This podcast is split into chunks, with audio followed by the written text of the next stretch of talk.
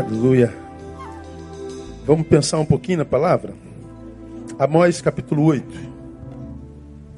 Amós, profeta Amós capítulo 8.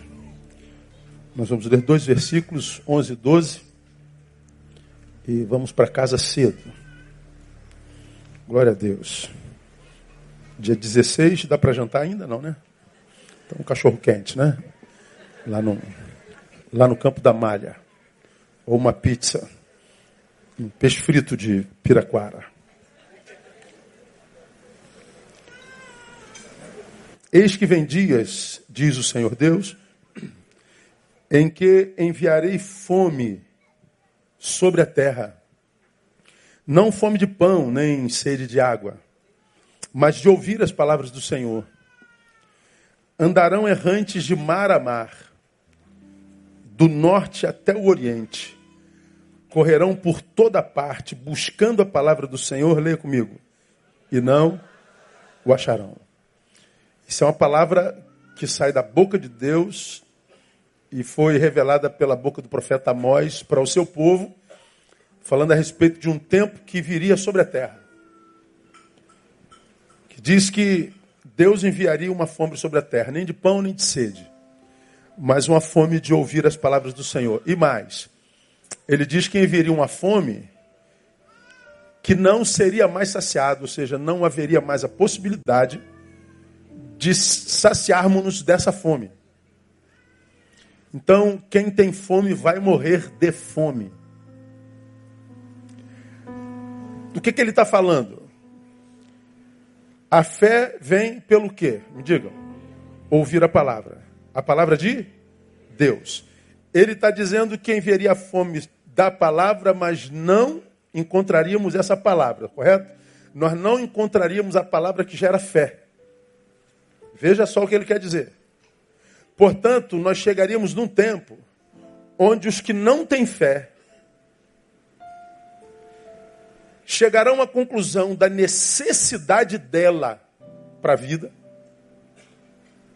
mas não terão como conhecer a fé porque não acharão umas palavras em lugar nenhum.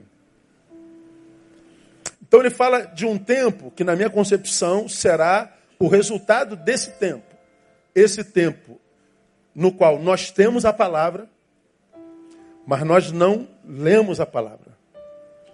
No qual nós temos a possibilidade de sermos abençoados com o dom da fé, ou seja, de viver transcendência, de ir além disso aqui, dessa carne, de não sucumbirmos ao que sucede na sociedade hoje, nessa carnificação que monstrifica o ser humano, que vira o veneno do outro, mas nós não valorizamos essa palavra nós não damos a ela o seu devido valor. Nós não é, a tratamos como ela deve ser tratada. Nós a vemos com desmerecimento, com, com desonra. Somos diante dela analfabetos por opção, mas analfabetos na visão de, de Mário Quintana. Você já aprendeu, já citei Mário Quintana aqui. Para Mário Quintana, analfabeto não é quem não sabe ler, Analfabeto é quem sabe ler e não lê. Então ele fala de um analfabetismo opcional.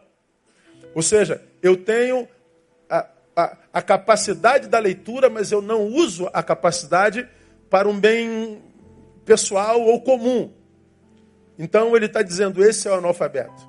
O que sabe ler e não lê. Ah, o texto está dizendo que haverá um momento em que nós é, nos veremos tão angustiados na vida, mas tão angustiados, que a gente vai ficar perplexo com aquilo no que se transformar a vida. E aí nós vamos tentar, de alguma forma, transcender essa vida. Nós queremos sair daqui um pouquinho. Nós queremos respirar outros ares, os ares espirituais, navegar nas asas do Espírito Santo. Só que para a gente navegar no mundo espiritual, a gente precisa de fé, e fé vem pela palavra. E ele está dizendo: caramba, cadê a palavra? Não tem palavra. Ou seja, meu irmão, é, sofra angústia de ser esse pedaço de carne sem sentido. Sofra angústia de ser ser humano sem Deus. Sofra angústia de ser ser humano sem transcendência. Ele fala de um tempo sinistro, né? Outro dia Alguém me escreveu, falou, pastor, eu amo tanto o senhor e suas palavras, mas às vezes eu acho o senhor muito pessimista. Eu falei, eu não sou pessimista, eu sou absurdamente realista. Eu, quando leio a palavra, o Neil, eu leio a palavra em duas perspectivas. O pastor que lê a palavra para vocês, que eu preciso preparar sermão, são quatro por semana, é gotinha, é o sermão da quarta-feira, é o domingo de manhã, o domingo à noite. Então, prego quatro vezes por semana no mínimo. Fora minhas viagens, que são constantes. Então, preciso ler a Bíblia pensando em vocês é minha leitura técnica, profissional. Mas existe um momento na minha devoção que eu esqueço que eu sou pastor e leio só para o Neil. É para minha edificação pessoal. Eu não estou preocupado em preparar sermão, estou preocupado nisso. O que, que Deus tem para mim, para o Neil, sabe? Eu esqueço que vocês existem e mergulho em mim e falo assim, Deus, agora é, é, eu e você, você e eu, né? E tu sabes do que me angustia, do que me, me, me, me toma, do que me gera medo e eu não tenho o privilégio das minhas ovelhas de estar sentado numa multidão ouvindo uma palavra toda semana pela boca de alguém. Eu uso mais a minha boca do que meus ouvidos. Então, Deus, aqui na, na solidão do meu quarto, da minha, do meu gabinete, fala comigo. E eu não tenho como ler a Bíblia sem que, sobretudo, eu a leia como a provisão é, preventiva de Deus. Eu acho que quando Deus me libera a palavra, ele diz assim, a minha palavra é palavra para te prevenir do que vem, para te preparar para o que vem. A palavra de Deus ela pode ser remediável? Pode. Eu, eu me firo aqui, sei lá, me distrair. Aqui na frente a palavra me é remédio. Me sara? É, claro que é. Ela tem esse poder de cura.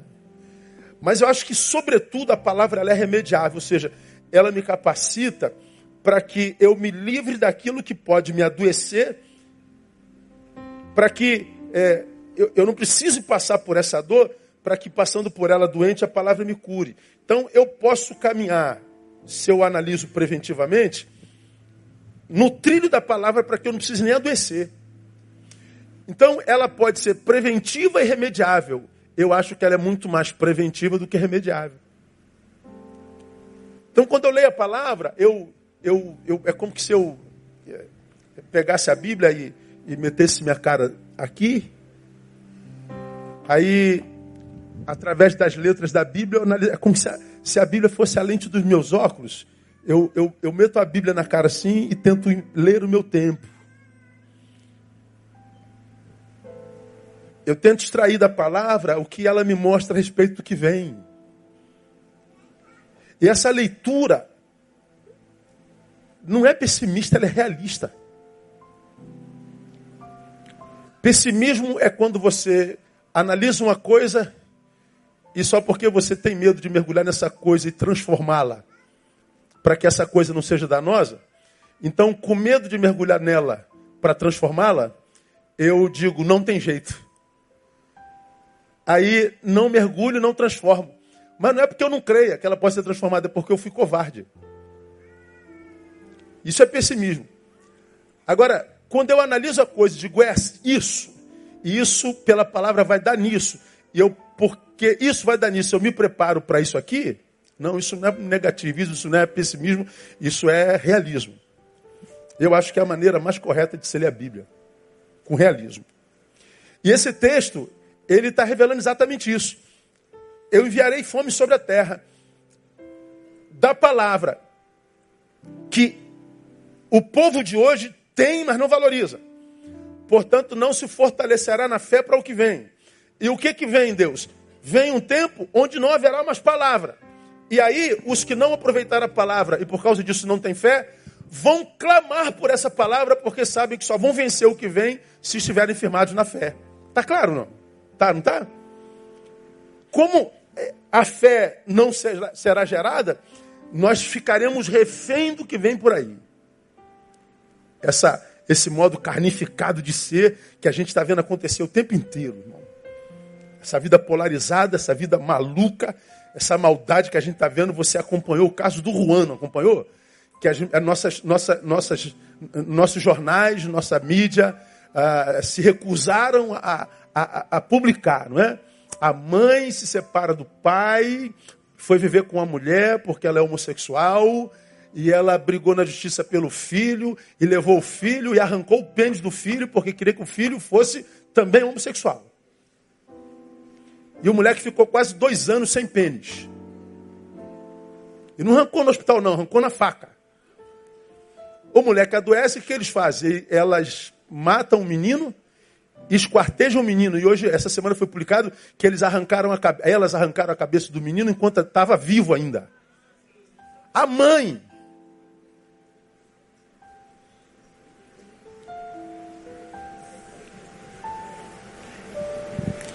A gente diz, meu Deus, o que, que é isso, cara?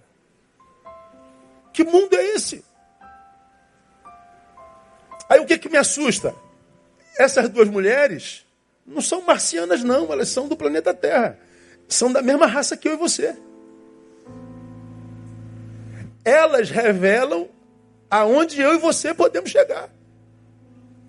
Eu falei, meu Deus, eu sou capaz de fazer isso. Jamais, pastor, faria isso. É, não, se ela fez, eu sou capaz também. O que a gente vê hoje é uma revelação do que a gente é capaz. A gente é capaz de produzir Ristófens na vida, que matam os pais a paulada. E depois a justiça solta no dia das mães.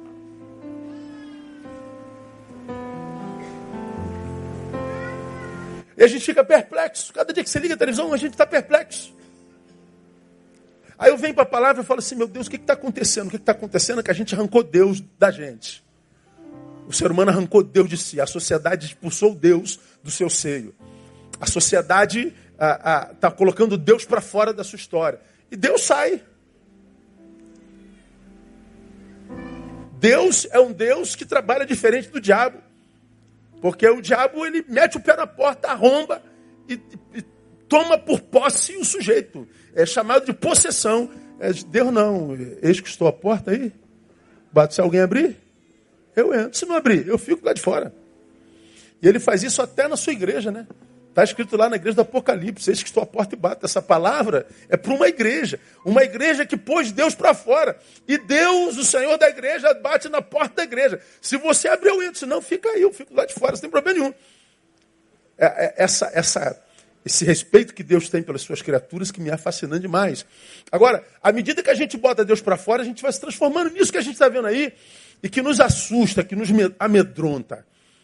A palavra que a gente acaba de ler fala de um tempo em que a coisa será muito pior. Porque hoje eu tenho a palavra, ou seja, ainda existe a possibilidade de o Deus Altíssimo fazer de mim morada. Ainda existe a possibilidade de eu me tornar casa de Deus. Mas ele está dizendo: haverá um tempo em que eu vou desejar isso, mas eu não tenho nem como contactar com Deus, porque eu não terei fé para isso, porque não haverá palavra. Pode sentar aqui mesmo, irmão. Pode sentar aqui, ó, nesse banco aqui. Pode sentar sem problema nenhum. Não, não atrapalhe nada. Deus abençoe vocês, viu? Sejam bem-vindos.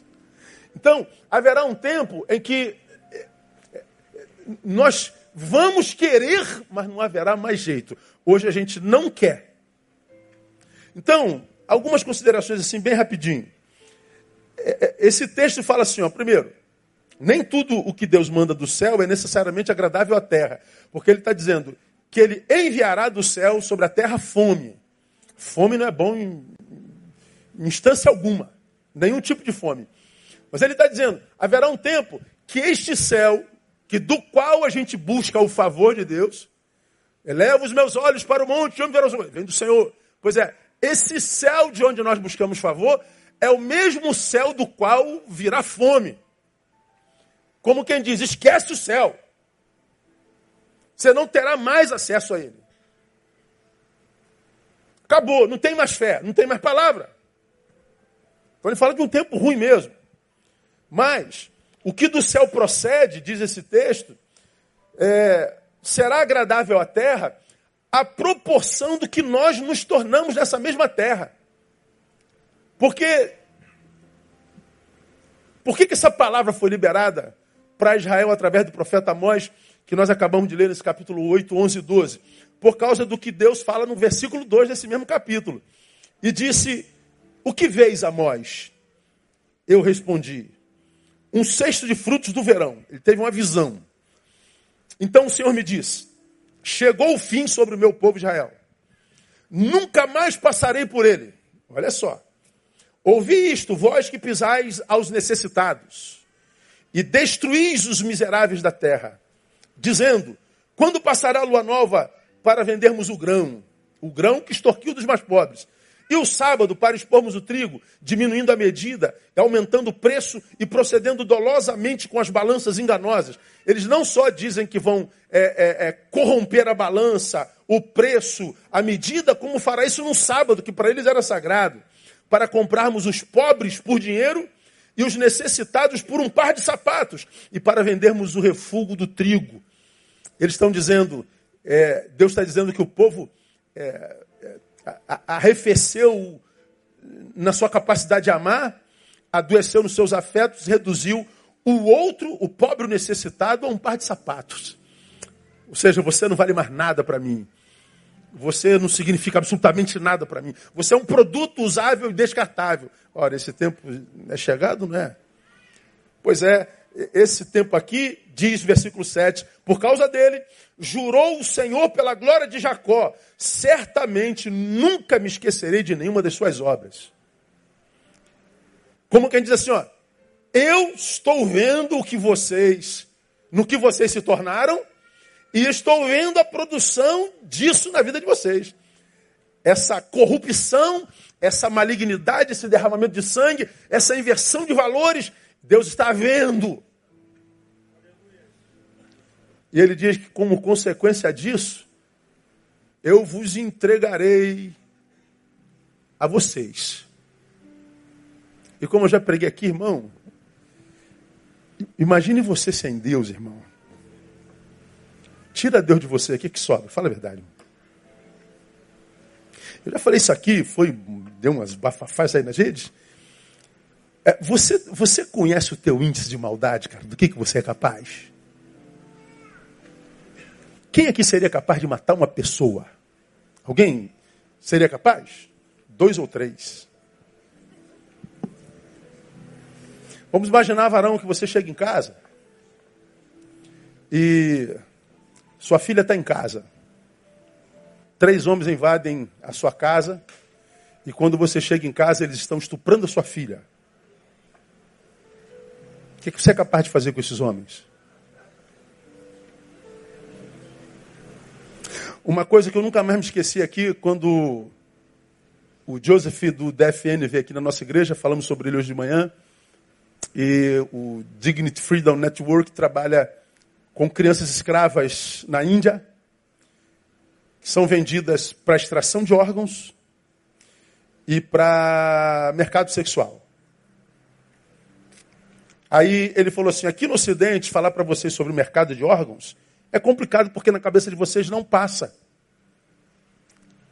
Mas no meu país é comum, no mundo inteiro é comum, só que isso é feito nos escuros mais escuros da humanidade. Aí ele fez uma pergunta que eu nunca mais me esqueci. Porque na cabeça de vocês dizer ele, como que eu vou comprar um órgão para botar numa criança? Como é que pode uma coisa dessa? Aí ele falou assim, daqui desse púlpito, vamos imaginar que você tem um filho e é único. Seu filho precisa de um transplante de, de rim. Só que ele está no número 2 mil na fila de transplante. E você está esperando, esperando, esperando, esperando. Passou um ano, dois anos, três anos e a fila não andou. Ou seja, tem alguém passando na frente. Aí o médico fala assim: seu filho piorou muito. E se seu filho não fizer o transplante, em duas semanas ele morre. Aí seu filho está no número 2 mil da fila de transplante e a fila não anda. Ou seja, teu filho vai morrer, né? Aí chega alguém e fala assim, varão, como é teu nome? Robson, Robson, teu filho está doente, né? Eu tenho um rim para você amanhã, se você quiser. Te custará 100 mil reais. Pense.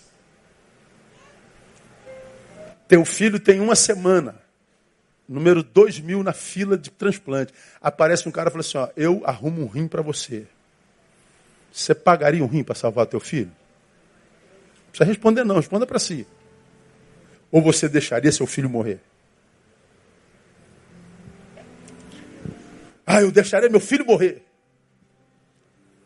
Aí você visita seu filho hoje à tarde e ele te abraça assim, papai, não me deixa eu morrer não, papai. Papai, eu vou morrer, eu não quero morrer, papai. Aí está a proposta, eu tenho um rim para você amanhã. Você deixaria seu filho morrer ou pagava o rim? Cara, eu gelei. Eu falei, Deus tem misericórdia de mim. Porque a gente só saberia quando a gente estivesse na situação. Mas o Joseph falou assim, irmãos, esses rins são vendidos aos milhares o tempo inteiro no mundo. Milionários não entram na fila de transplantes, eles compram. Nós nos tornamos nisso. Até a nossa capacidade de amor adoeceu. Eu, porque amo demais esse menino que é meu filho, ignoro esse menino de quem eu compro o rim. Nós estamos perdidos.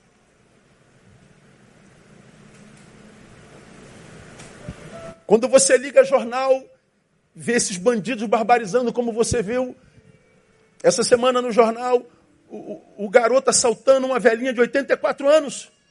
Os dois da moto, vocês viram? E puxando a bolsa da velhinha, a velhinha não largava, e ele puxou, arrastou a velhinha, chutou a velhinha. Eu falei, meu Deus. O outro velhinho de 82 anos, muletante. Eles tomam um velhinho, jogam o velho no chão. E eu falei, meu Deus, meu Deus, meu Deus, você é teu pai, você é o teu avô. Do que, que você é capaz? Quando você liga a televisão, e diz assim: polícia troca tiro com os traficantes e o traficante morreu. O que, é que você sente? Puxa vida, mais uma alma sem Jesus. Não é o que a gente devia sentir ou não? É o que a gente sente? Não. Já vai? Como é que você sabe que é tarde, né? Porque nós nos tornamos tão mal que nós celebramos a morte de um semelhante. Nós estamos todos doentes. Todos. O que nos difere é a capacidade de discernir o nosso grau de doença. Uns mais doentes que os outros. Todos doentes. Então, quando eu passo pela palavra, eu falo assim: Deus, que, que vem aí? Está tudo revelado. Ele diz que o que do céu procede será agradável à proporção do que nos tornamos nessa mesma terra. Como nós nos tornamos nisso que nós produzimos? Ele está dizendo que com a ausência da palavra nós pioraremos e o que virá do céu será pior ainda. Então Deus não está passando a mão na cabeça de todo mundo. Oh, pode fazer o que vocês quiserem, que eu passo a mãozinha na cabeça de vocês, faz a M de vocês, que eu troco a fraldinha, não tem problema não. Vivam dissolutamente que eu fecho as portas dos chiqueiros. Não. Ele, na parábola do filho pródigo, viu o moleque querendo viver independente do pai e ele deixou ir. E deixou que fosse parar no meio dos porcos que fosse se alimentar com a comida dos porcos, que fosse, portanto, viver uma porcaria de vida. Deus não impediu, o pai não impediu do moleque que viveu uma porcaria de vida. O que aconteceu foi que o moleque, na dor, refletiu, diz o texto, caiu em si e disse: Eu não nasci para viver essa porcaria de vida. Vou voltar para meu pai, pô. E o pai o recebe. Esse texto é como se ele estivesse dizendo: Neil, longe do pai, você vai ver um tempo em que os homens viverão uma porcaria de vida, só que na porcaria de vida vão cair em si, só que o caminho para o retorno, que é gerado pela força da fé, não existirá mais. Nós estaremos entregues à nossa própria produção. Portanto, a continuidade da obra de Deus em nós dependerá sempre do que fizemos com o que ele fez em nós no passado. Ou seja, como Deus me tratará no futuro? A proporção do que eu fiz com o que ele fez em mim no passado.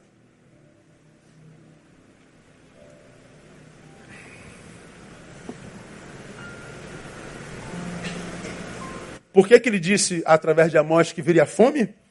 Porque o povo se corrompeu na fartura. Tá aí, ó, seis, de quatro a seis. Aí dos que dormem em camas de marfim.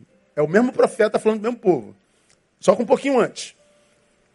Ai dos que dormem em camas de marfim e se estendem sobre seus leitos, comem os cordeiros tirados do rebanho, os bezerros do meio do curral, que garganteiam ao som da lira, inventam para si instrumentos músicos, assim como Davi, que bebem vinho em taça, se ungem com o mais excelente óleo, mas não se afligem por causa da ruína de José. Como quem diz, olha, estou me refestelando na minha prosperidade. Olha, vocês estão sendo tomados por iniquidade. Então parem de curtir para refletir. Cuidado, celebração impede reflexão. Então não permita que a celebração roube de vocês a capacidade de reflexão. Ô, oh, cai na real aí, filho. É, o povo não caiu na real. Pois bem, então vão ficar caídos definitivamente. Ah, no versículo 7 diz: Portanto, agora irão em cativeiro entre os primeiros que forem cativos, e serão os festins dos banqueteadores. Deus está dizendo assim: ó, é, vai mudar tudo. Por quê? Porque o, o seu futuro será a proporção da forma do que vocês fizeram com que eu lhes dei no passado. Então, meu irmão, guarde o que o Senhor está falando para você nessa noite. Eu e você fazemos parte de uma geração que se corrompeu quase que totalmente.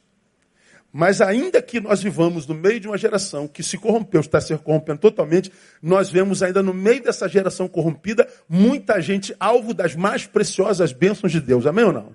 Você é um abençoado por Deus ou não é? Fala a verdade. Ah, é, irmão. Você tem mais do que precisa. Como eu disse aqui, né, a gente reclama da vida, mas hoje você acordou de manhã, teve a noitezinha maneira, aí acordou, tinha um cafezinho lá em cima da mesa, não tinha? Fala a verdade. Né? Tinha um leitinho também, não? Café com leite. Ô, oh, glória! Tinha um pãozinho, não tinha? Pode ser que você comprou hoje, se não comprou hoje, é de ontem. Então tinha café com leite e pão, amém ou não? Tinha uma manteiguinha para botar dentro também? Tinha não? Tinha. Alguns tinha queijo também, tinha? Queijo? Ó. Oh. Alguns tinha até mortadela com queijo. É verdade ou não é? Aí, algum de vocês acabou o primeiro pão e ainda tinha um segundo, não tinha? Pois é. É benção ou não é benção? Veio para a igreja, foi abençoado com a palavra de Deus, não foi, irmão? Foi, voltou para casa, comeu carne, não comeu? Fala a verdade. Repetiu, irmão? Oh, pastor, estou aqui que não me aguento de tão cheio. Poxa, chegou a passar mal hoje, pastor. Pois é, se passar mal é bênção. Aí você está aqui, vai comer o podrão depois do culto. Você faz isso com a sua própria perna. Você caminha, você vai e volta. Você vem para a casa de Deus, quando acabar o culto, você vai voltar para a sua casa, para a sua cama. Se fizer frio, para o teu cobertor. Se fizer mais frio, tem um segundo cobertor, não tem? E se esquentar demais, tem ar-condicionado. Fala a verdade, irmão. Tu é abençoado, não é, irmão? Fala assim para quem está Para de reclamar, irmão. Você é um abençoado, para deixar de ser chato.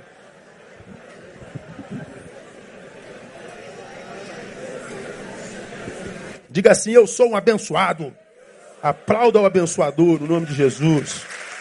Obrigado, Deus. Muito obrigado. Muito obrigado, Senhor. Aleluia. Pois é.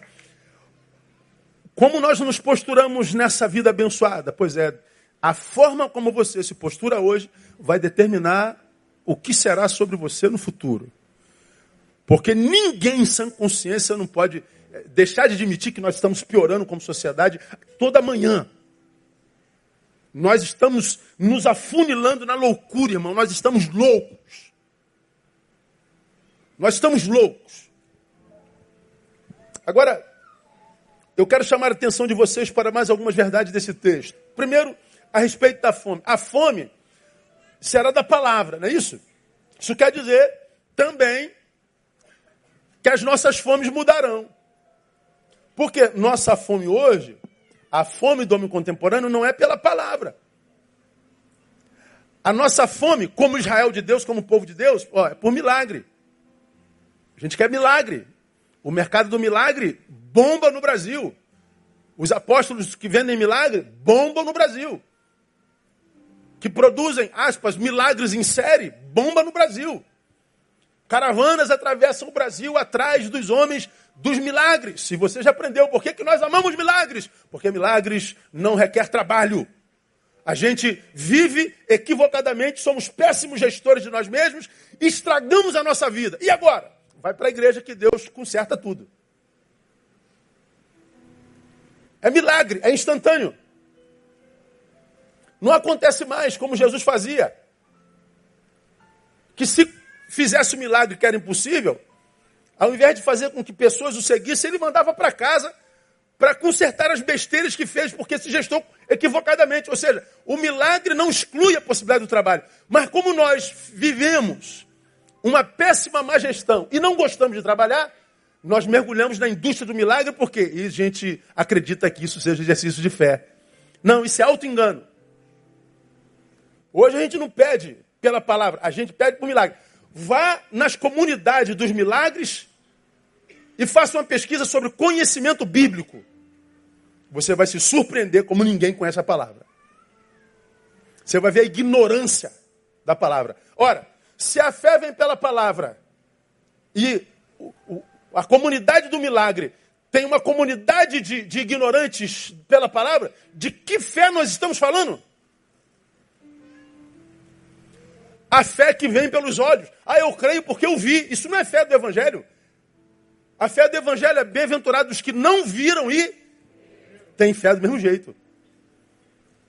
Então não é o milagre que eu vejo que gera em mim fé. Esse milagre que eu vejo gera em mim e eu chamo de fé, não é fé, é ganância. É inveja. Eu quero o que Deus fez na vida dele. Eu vou tomar posse disso para mim de qualquer jeito. Então a gente institucionaliza o que a gente chama de, de fé, mas é ganância, é inveja, porque a gente é, se safa. Ou seja, veja como eu tenho fé. Trouxe até a fotozinha do menino que eu quero salvar. Trouxe a cuequinha do homem que eu quero ganhar. trouxe um pedacinho da roupa é, da amante que eu quero que morra. É quase uma macumba gospel.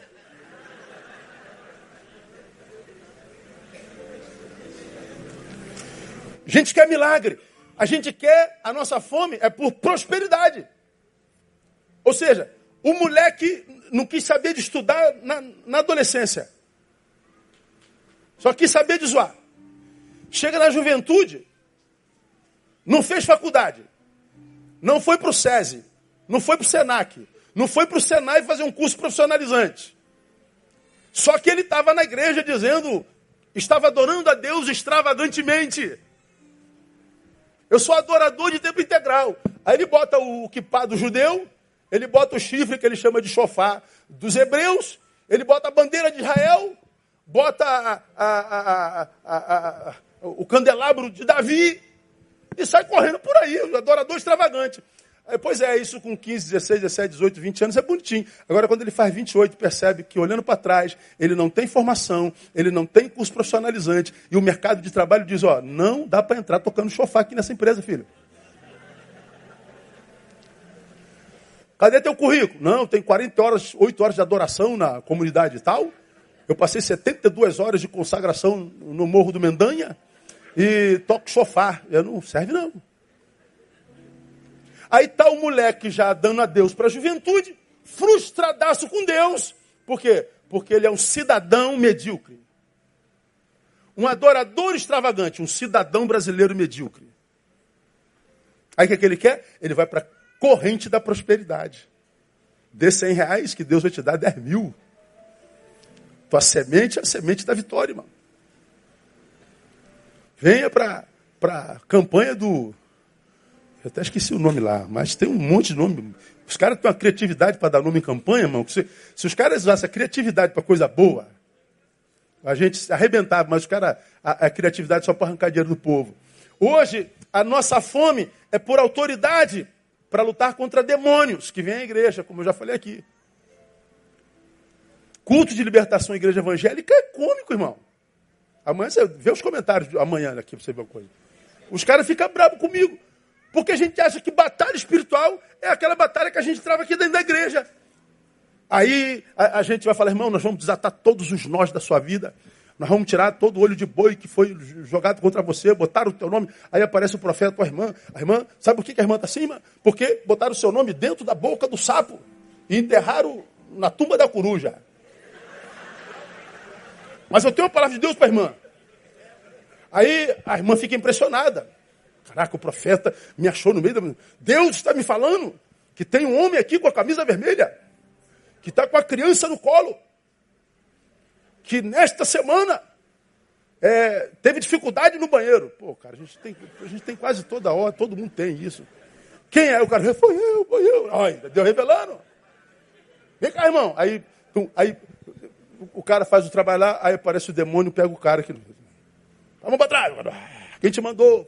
Foi, a vizinha. Qual o teu nome? Ah, é, cara, é uma loucura, assim. Agora, irmão, olha o poder de Deus. Em nome de Jesus. Tá! Oi, oi, onde estou? Quem foi? Pense, irmão, pense, irmão. Pense. Ó, seguinte. Vamos imaginar que você seja um demônio, irmão. Você é um demônio dos infernos que veio para matar, roubar e destruir. Vamos imaginar que você tem o poder de tomar o corpo daquele cara que você odeia. Ó, oh, eu entrei no corpo daquele camarada o tomei por posse. Ele está possesso. Eu tenho o controle dele. Você é um demônio. Para onde você levaria ele? Eu levaria ele para a estrada e jogaria ele debaixo de um, de um, ônibus. Mas não, o demônio de hoje pega o cara e leva para a igreja. E no culto de libertação, onde ele vai ganhar fogo na cabeça. Eu queria esses demônios aqui na minha igreja que o demônio traz mais gente que um monte de crente. Aí o cara, oh, pronto, sai, vencemos a batalha espiritual. Como eu já falei aqui, ó, Satanás entrou em Judas. E ele foi tratar com os pretores como entregar a Jesus de Nazaré. Satanás entrou em Judas, Judas não babou, Judas não gruiu. Judas foi ganhar dinheiro com o nome de Jesus. Será que existem demônios hoje que fazem pessoas ganhar dinheiro com o nome de Jesus? Esses não babam, não gruem. Mas fizeram do nome de Jesus negócio. A gente quer autoridade para lutar contra demônio que vem para a igreja. Show pirotécnico gospel. A gente tem fome por experiências catárticas.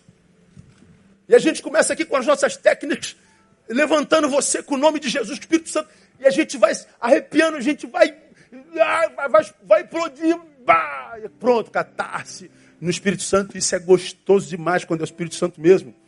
Só que 30 anos de péssima má gestão não se conserta num culto, não. Você vai ter que renunciar a muita coisa, você vai ter que pedir perdão, você vai ter que voltar. Você vai ter que aplanar os seus caminhos. Você vai ter que se humilhar. Não é abracadabra, não. Isso não é magia, isso é evangelho. Isso é esforça-te e eu te ajudarei. Eu não faço. Ajuda você a fazer, diz o Senhor. Agora a gente quer abracadabra. Hoje a multidão ela não tem fome da palavra, ela pede por um Jesus curandeiro. Agora, qual o problema do Jesus curandeiro? É que esse Jesus curandeiro é inútil para quem já tem saúde. A gente pede um Jesus que enriquece, dá prosperidade. Só que esse Jesus não presta para nada. Para quem estudou, para quem trabalhou, para quem acendeu, para quem enriqueceu com o seu próprio trabalho. A gente quer um Jesus milagreiro, mas é inútil. Esse Jesus do milagre é para quem tem vida equilibrada. Quando a gente pede esse Jesus, ou seja, quando é, o Deus que nós desejamos não é o Deus que é o Deus do céu, mas o que nós desejamos, portanto, não é Deus, é o que ele faz, nós reduzimos esse Deus.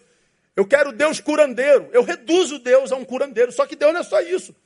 Eu quero um Deus milagreiro, um Deus da prosperidade. Eu reduzo Deus. Isso é um reducionismo. Esse reducionismo, eu só quero. Estou doente, cura. Estou desequilibrado, milagre. Eu estou ferrado, quero prosperidade. Isso é um reducionismo. Esse reducionismo impede que outros o conheçam. Porque se o teu Deus é o Deus que cura, eu não preciso de saúde, eu não preciso desse Deus. Você está reduzindo Deus e reduzindo Deus, você impede que pessoas o conheçam. Esse impedimento é uma ofensa a Deus. Portanto, quando ele diz que a fome que virá é sobre a palavra, ele está dizendo nossas fomes mudarão. Isso quer dizer, portanto, que os homens se cansarão desse evangelho que faz de mim um, um alvo único, mas não faz de mim um caminho, um algo útil. Vocês que gostam das catarses, vocês que gostam dos milagres, vocês que gostam do, do, do, do superpoder, ele está dizendo, vocês vão cansar disso. Vai chegar uma hora que isso já não vai significar mais nada. O que você vai querer é se livrar desse vazio mesmo, irmão. É se livrar dessa angústia do peito que não sai de jeito nenhum. E que milagre não tira. A gente ouve o milagre que curou o câncer, milagre curou AIDS. Acha os que o milagre curou assim, ó, o que tem depressão, o que tem ansiedade. Coisas do íntimo, do ser, da alma, da pós-modernidade. A questão é de gestão, cara. Tem a ver com o que eu permito entrar ou não. Tem a ver com o que eu compartilho ou me recuso a compartilhar a gestão. Então diz assim, meu filho, ah, eu já te dei liberdade. E liberdade te dei, inclusive, para gestar a sua vida. Já está na palavra. Pois é, a gente não quer saber da palavra, a gente quer o Deus reduzido, o curandeiro. A gente quer o Deus do milagre, a gente quer o Deus mágico. Ele está dizendo, pois bem, vocês ainda têm acesso a mim, mas vocês não usam o acesso para chegar a mim. Haverá um tempo que vocês vão me buscar, não vão me achar. Buscai ao Senhor enquanto se pode achar, invocar enquanto está perto. Ele está dizendo, vai chegar uma hora que não vai dar mais para invocar, porque ele vai estar longe demais. É disso que o texto está falando. Vamos nos cansar dessa, dessa de, de, dessa, dessa coisa que, que muda o meu jeito de ir, mas não muda o meu destino. Que muda a minha aparência, mas não muda a minha essência. Que faz do homem um homem próspero, mas não útil. E o fútil, meu Deus do céu. Ah, você que não consegue, irmão, sentir orgulho de si. Ou trabalha para sentir. Ou vai fazer parte do exército de gente que está desistindo mesmo.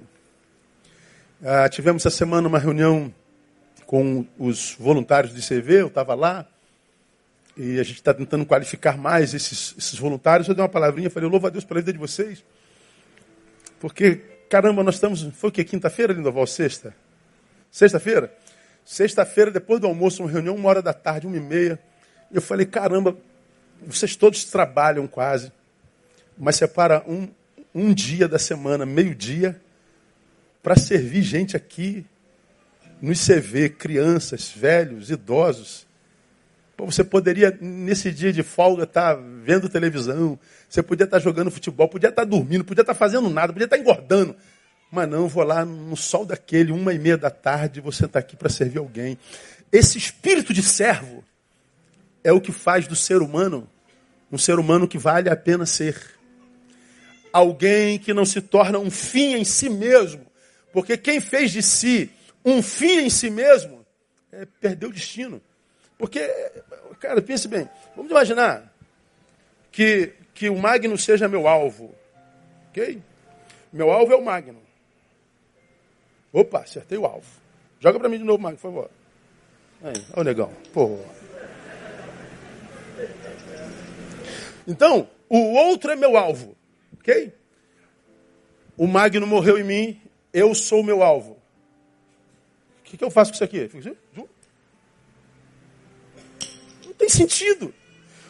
O que eu tenho, já tenho. Como a Bíblia diz que é o que sai do homem que contamina o homem, esse sair do homem não é só maldade, não. Tudo que sai da boca contamina o homem. Sim, o que sai de ruim volta para mim como ruindade, o que sai de mim como bondade volta para mim como bondade. Então, enquanto Magno existe e eu sirvo, o que eu joguei para você, Magno, volta tudo para mim como recompensa da vida de Deus. Deixou de sair de mim, está retido. Não vem mais de lugar nenhum. A vida vai perdendo sentido, você vai você vai se transformando numa ilha cercada por águas inabitáveis, intrafegáveis. Você vive para si. É essa, essa polarização que nos empurra para nós até por questão de sobrevivência, está roubando de nós, que nos, nos retiramos para nós, a capacidade de celebrar a vida. Porque só se celebra a vida na utilidade, não na futilidade, não no ensimesmamento. Cara, isso é muito simples, assim, não sei como é que as pessoas não entendem isso. A, a gente tem, a gente olha assim, ó, o mundo todo perdido. A gente não tem vontade de matar um, matar dois, matar três. Eu vou matar todo mundo. Pois é, não mata não, filho. Fica com a vontade aí e abençoa. Abençoa, você não nasceu para matar, você nasceu para devolver a vida, você nasceu para ressuscitar. Você está ressuscitado com Cristo também ou não? Então, o produto do ressuscitado, do, do ressuscitado é a ressurreição. O produto do cadáver é que é a morte. Só mortos matam. Nós não estamos mortos. Nós estávamos mortos. Fomos ressuscitados com ele. Então, nosso papel no mundo é gerar ressurreição. Então, se a nossa vontade é de matar, de vingar, lute contra a sua vontade e caminhe na palavra. Você vai ver que volta tudo para você. Então não cabe o chorão, o, o, o, coitadista, o que se vê como pobrezinho, como o mais injustiçado dos homens do planeta, que vive. Cara, a sua pena não te ajuda em nada. A pena de você por você não te ajuda em nada. A vida é tua e tem que gerir você. Porque os que nos amam, no início, sentem pena da gente também. Só que eles estão, como eu falei domingo, estão cheios de problema também, mano. É todo mundo cheio de problema. Aí a gente caminha contigo um tempo, dois tempos, três tempos, chega uma hora, irmão, dá, mas não. Eu tenho muita coisa, pra... desculpa aí. Aí você vai se vendo sozinho, sozinho, sozinho. O mundo é assim mesmo, se a gente não tem amor. É verdade. Por se multiplicar a iniquidade? O amor de muitos? É, está escrito. Nós não vamos ter amor para sempre, não. Bom, se eu não posso contar com teu amor por mim para sempre, eu devo contar com meu amor por mim para sempre. Porque a respeito do teu amor eu não posso fazer nada, mas do meu amor por mim, ah, esse eu tenho poder sobre ele, amém, amado? Então levanta daí, cara, levanta daí, irmã. E busca o Deus que tem falado contigo. Esse Deus diz que a fome será da palavra. Ou seja, haverá um tempo que nós não poderemos mais contar com a fé que, pela qual a gente vence o mundo. Uma outra consideração. São três, a gente termina. Segundo, a fome se dará pelo descaso com a palavra. Panel, eu, eu mandei um videozinho aí pro, pro. Eu mandei tarde depois pro, pro e-mail. Vê se chegou aí. Ó, são três minutinhos. A palavra de Deus chegando na Indonésia.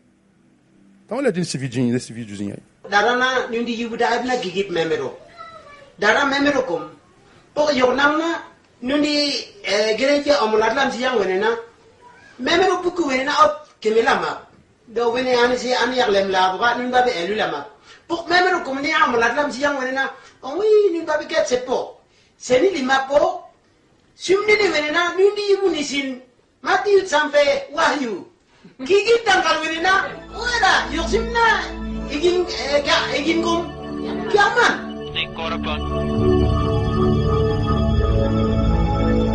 O Novo Testamento chegando com avião.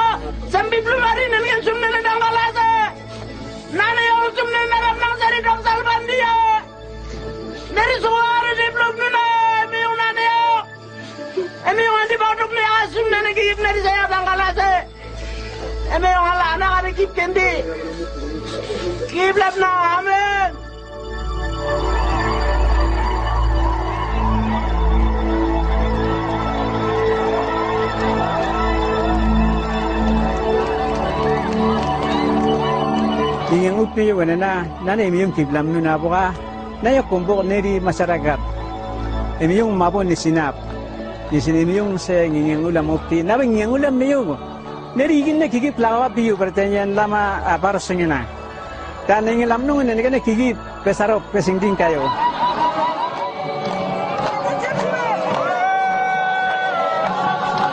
ane mi yong duna gut na ne tot siwa nun ngi yong op sir nun yal kitaba do watti am busun ba nun di yu ta to bi te. Mi yong di yu la rop ni sin nun di yu ta pan nun na ngen kan ne to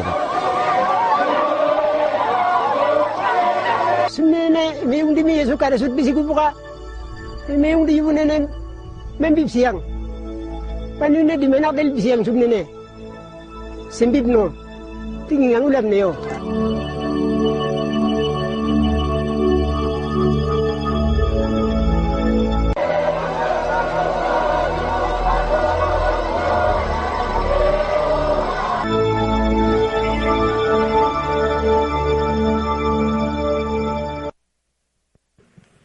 Deu para perceber a alegria do povo? Porque a palavra chegou. A palavra chegou. Hoje nós temos a palavra e não passamos por ela. A gente tem a oportunidade de ouvir a palavra, não nos preocupamos em ouvi-la. A gente trata a palavra de Deus como que se fosse uma coisa de só menos importância. Se tiver um tempinho eu dou, se não tiver não dou. A gente também trata como magia, né? É, Você tá mal, fecha os olhos, abre a Bíblia assim, coloca o dedo. Aí vem uma palavra de ambos e puxa, Deus falou comigo. Não, isso não é Deus falando contigo. O que você leu não foi a palavra de Deus. Não é assim que a palavra funciona. E aí, quando a gente vê tanta pobreza existencial, a gente vem esse texto que nós acabamos de ler e diz: Vocês não valorizaram minha palavra, vai chegar um tempo que vocês vão sentir falta dela e vocês não a encontrarão. Ele está dizendo que, portanto, a fome se dará pelo descaso com a palavra. Por que o povo da palavra trata com tanto descaso a palavra? A luz da palavra, primeiro, porque o coração se extraviou. Antes de ser afligido, diz o Salmo 119, 67, eu me extraviava, mas agora guarda a tua palavra. Antes de ser afligido, eu me extraviava. Mas agora eu guardo a tua palavra, ou seja, eu não me extravio mais. Então, quando é que a palavra perde sentido para nós? Quando nós já estamos extraviados. Então, nessa noite, eu queria chamar você, meu irmão, que é povo de Deus, a pedir a Deus a ressurreição do teu amor pela palavra para que ela te prepare para o que vem. E já é chegado. Por que, que o povo de Deus trata a palavra com, com, com, com desprezo? Por causa da mudança das fontes de alegria. Nossas fontes mudaram. Salmo 119, 162. Regozijo-me com a tua palavra, como quem acha grande despojo. Ele está dizendo, Deus, como a tua palavra gera alegria. Ou seja, a palavra é também divertida. O que ela gera em nós gera alegria. E uma alegria que é de Deus. E a alegria do Senhor é a vossa força. Por que, que eu tenho que me refugiar naquilo que a palavra diz? Porque o que os outros dizem a nosso respeito muda o tempo inteiro, irmão. Você não pode esperar que venha dos outros aplausos, que venha do, dos outros reconhecimento, que venha dos outros gratidão. A gente não tem como se alimentar mais na palavra do outro. Eu só posso me alimentar da palavra de Deus. Nem só de pão vive o homem, mas de toda a palavra que procede da boca de Deus. Então não é só de pão, palavra. Então, essa, essa fome virá por causa do descaso com a palavra. Eu termino minha palavra de hoje. O texto, portanto, dá a entender que tal fome não será mais saciada. Ou seja, nós chegaremos num tempo, irmão, em que ah, nós vamos ter que nos acostumar a viver com fome. Agora pense comigo. Quem tem fome consegue se divertir, não? Sim ou não? Não. Consegue dormir? Consegue trabalhar? Consegue se alegrar com alguma coisa? Não. A fome é prioridade. É porque nós a saciamos que nós podemos tudo. Sem ela, a vida perde todo sentido. O texto está dizendo assim: olha, virá um tempo em que viver será angústia pura. Hoje não é angústia pura. A gente se angustia, a gente tem deprê, a gente tem ansiedade, a gente tem medo, mas a gente de vez em quando dá umas boas gargalhadas, irmão. Você se assenta mesa, irmão, naquele churrascão, aquela Coca-Cola com limão gelada. Meu irmão, tu come feito um, um, uma pessoa que come muito. E, e depois você dorme. Isso é divertido demais. A gente é rico, os nossos irmãos, nosso time ganha, a gente tem um amigo para zoar, a gente joga bola, a gente vai para o cinema. A gente tem muita alegria, irmão. A gente se alegra com sexo, a gente se alegra com arte, a gente se alegra com a palavra, a gente se alegra na comunhão. Temos muita. A angústia não é pura. Mas o texto está dizendo que a gente não terá mais força para o lazer, para o prazer, para o produzir. Pessimismo não realismo. O texto dá a entender que essa fome inviabilizará, inviabilizará a vida. Logo, primeiro, seria um tempo também de silêncio divino. Deus faz alguma coisa, fala alguma coisa, dá um sinal, manifesta-te. Hoje a gente acha que Deus não faz isso. Ele está dizendo: vocês acham que eu não falo? Ora, toda a terra está cheia da glória de Deus. Amplie tua capacidade de visão e você vai ver que os meus sinais, as placas do Altíssimo estão em todo lugar. Em toda esquina tem uma placa de Deus. Deus se manifesta de todo jeito. Mas Ele está dizendo: vocês vão saber que é silêncio quando vocês estiverem fome e não tiver mais palavra.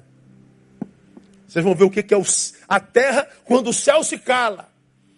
Vocês vão ver o que são vocês para vocês mesmos quando Deus não puder trafegar nas suas relações. Vocês vão ver o que é ferro afiando ferro, sem a lubrificação do Espírito Santo. As máquinas dos nossos carros é ferro com ferro. Só que no meio dos ferros tem óleo. E o óleo que a gente tem que trocar de quando em quando. Porque se o óleo perder a sua consistência, os ferros vão batendo no outro e arrebenta o nosso motor. Ora, você vai ver quando tirar Deus, que é o óleo das relações dos homens que são ferro. Dá para entender? Ele fala, portanto, de angústia humana sem precedentes. E ele fala também, portanto, de apostasia coletiva. Essa apostasia a gente vê na palavra quando diz: quando o filho do homem vier, porventura encontrará fé na terra? Preguei sobre isso aqui. Ele fala de que quando Jesus voltar, fé seria matéria-prima rara. Será que haverá alguém ainda? Então ele, ele, ele, preconiza a ideia de uma apostasia geral, ampla, pessimismo. Não, é realismo. É realismo. E fala, portanto, de uma iniquidade endêmica pelo esfriamento do amor. Aí eu falo, Deus, tem misericórdia de nós.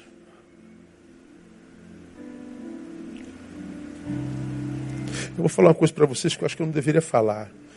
Ah, eu comecei uma série de estudos domingo de manhã, que eu parei, não foi? Quem lembra o nome? mestre aos seus próprios olhos. Eu fiz quatro sermões. E o que Deus me deu sobre a produção dessa geração, que é discípula de mestre aos seus próprios olhos, foi tão angustiante, tão angustiante,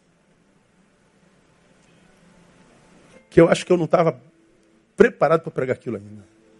E nem sei se vocês estavam preparados para ouvir.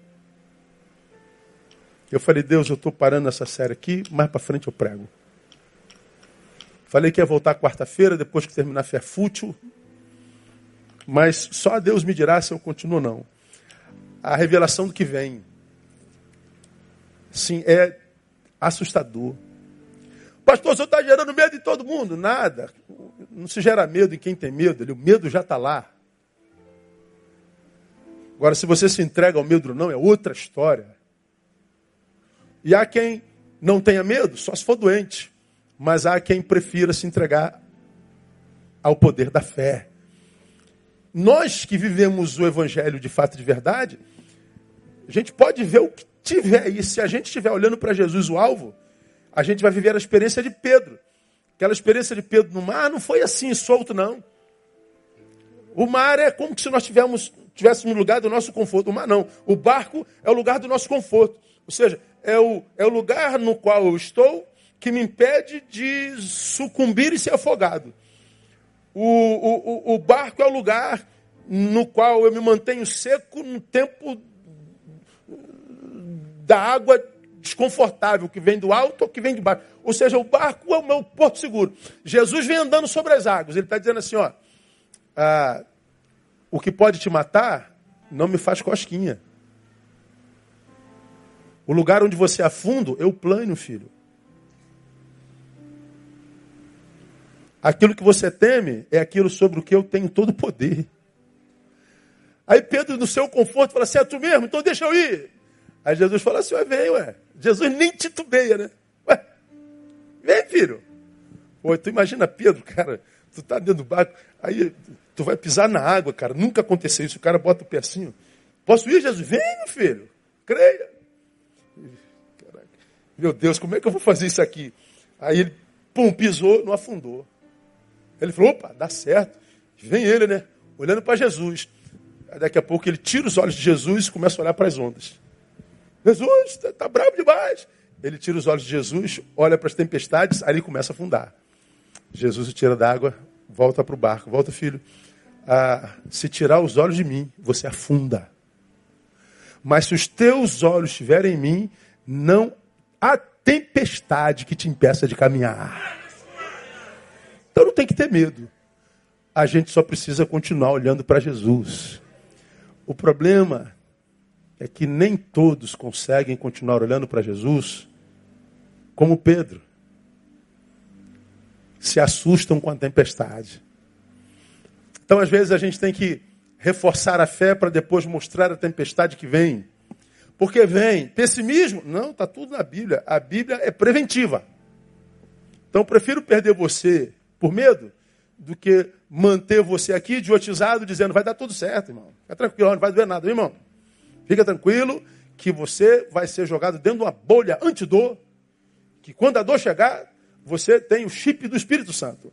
Então não vai acontecer nada. Não, vai acontecer sim.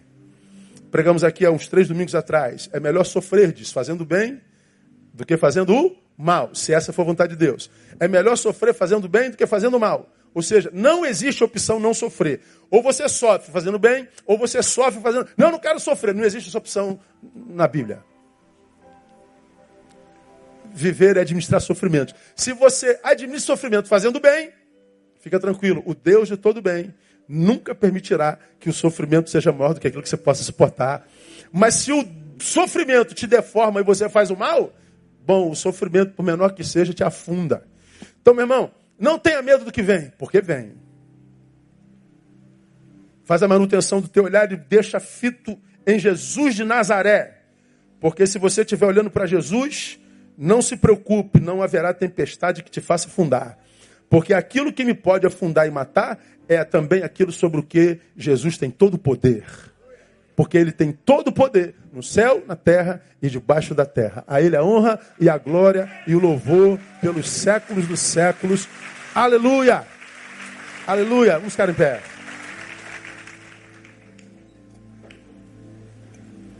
Pastor, eu preciso dar mais valor à palavra. Eu tenho sido relapso com a palavra. Eu queria, queria nessa noite, é, para você que queria confessar isso ao Senhor, que você saísse do seu lugar e viesse aqui à frente. Mas você que está vindo aqui fala assim: Deus, eu tenho sido relapso, mas eu quero voltar para a palavra. Você que quer vir aqui à frente assim, Deus, me dá fome da palavra, eu preciso voltar para a palavra. Eu preciso gastar mais tempo com a palavra, eu preciso caminhar no trilho da palavra. Sai do seu lugar, vem aqui na frente, vem fazer um, um concerto com Deus da palavra. Vem fazer um concerto. Deus, eu preciso, preciso fazer um concerto contigo, eu preciso me consertar. Eu tenho sido relapso, eu preciso melhorar. Venha.